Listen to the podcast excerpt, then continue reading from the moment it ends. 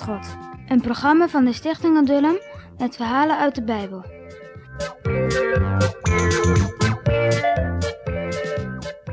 Ik laat Israël niet weggaan, had de farao gezegd. Maar u moet het doen, omdat de Heere het zegt.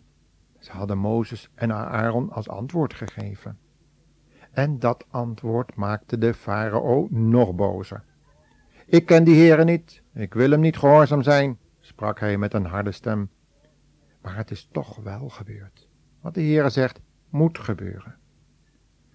Op een dag had de farao gezegd tegen Mozes en Aaron, die weer eens langs waren gekomen om de woorden van God door te geven. Jullie krijgen geen stroom meer om door de klei heen te doen. Zoek het zelf maar. Maar pas op dat jullie geen steen minder bakt.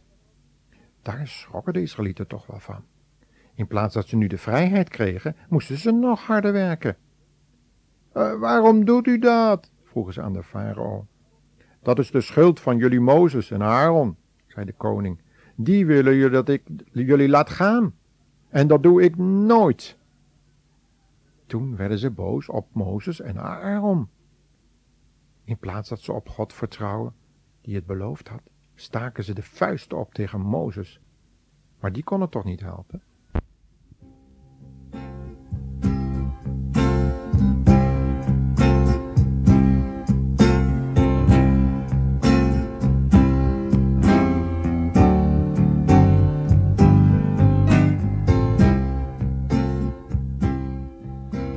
Doodgewone dingen. Heer, ik vergeet zo vaak te danken voor de doodgewone dingen. Voor mijn voedsel en mijn kleding, mijn gezondheid en mijn kracht. Voor het huis waar ik mag wonen, voor de liefde die mij wacht. Heer, het is zo gewoon geworden dat ik s'morgens op kan staan. Dat de slaap mij weer verkwikken, dat ik weer aan het werk mag gaan. Geef mij toch een open oog, Heer, voor het vele dat ik ontving. Dat ik met heel mijn hart u danken, ook voor het allerkleinste ding.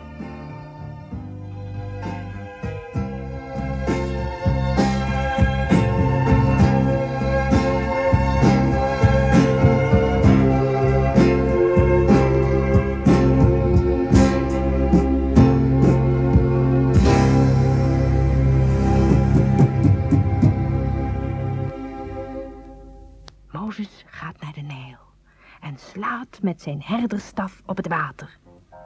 Meteen verandert het water in bloed. Alle vissen sterven en het begint te stinken.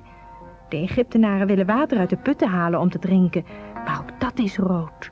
Alles is bloed. Ja, al het water in heel Egypte is bloed. Zeven dagen lang heeft niemand water.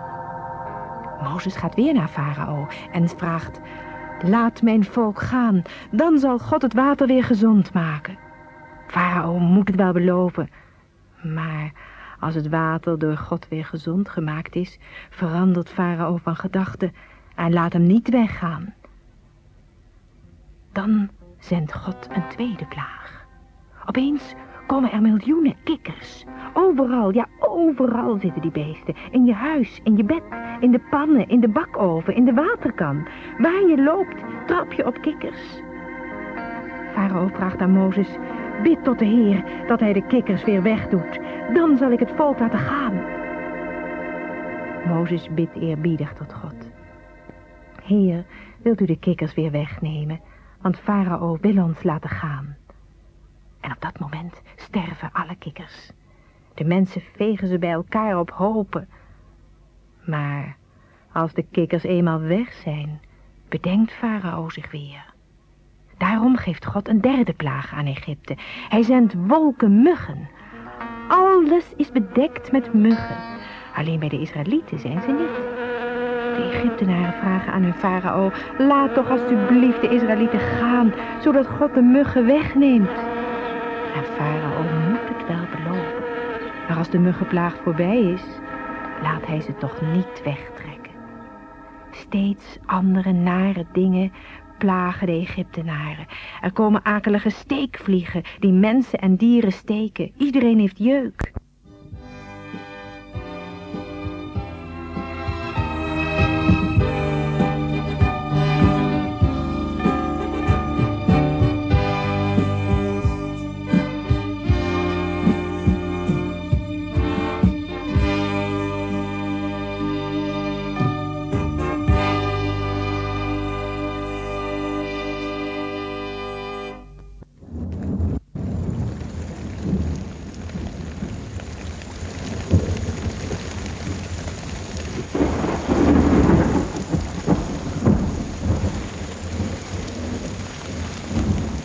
Hevig onweer met grote hagelstenen.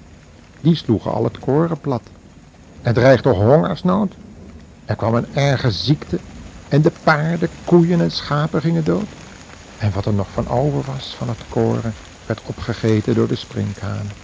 Die aten alle bomen kaal. En drie dagen en nachten scheen de zon niet. O, wat was het toen donker. Bij de Israëlieten was het licht. Telkens riep farao Mozes en Aaron in het paleis. Bidden jullie toch voor mij, dat die plaag zal ophouden, riep hij dan bang. En als Mozes bad, hield die plaag op. Maar farao liet de Israëlieten dan toch niet weggaan. O, dat harde hart van farao. Negen plagen waren er al geweest en nog wilde farao niet gehoorzaam zijn. Toen kwam de tiende plaag. Zou de farao nu gehoorzaam worden? Wat een boos hart had hij. Maar uh, hoe is het met jullie hart, mijn jonge luisteraars? Luisteren jullie naar de Heere als hij je roept? Ook als je de Bijbel leest, spreekt God tegen je. Wil je dan naar hem luisteren?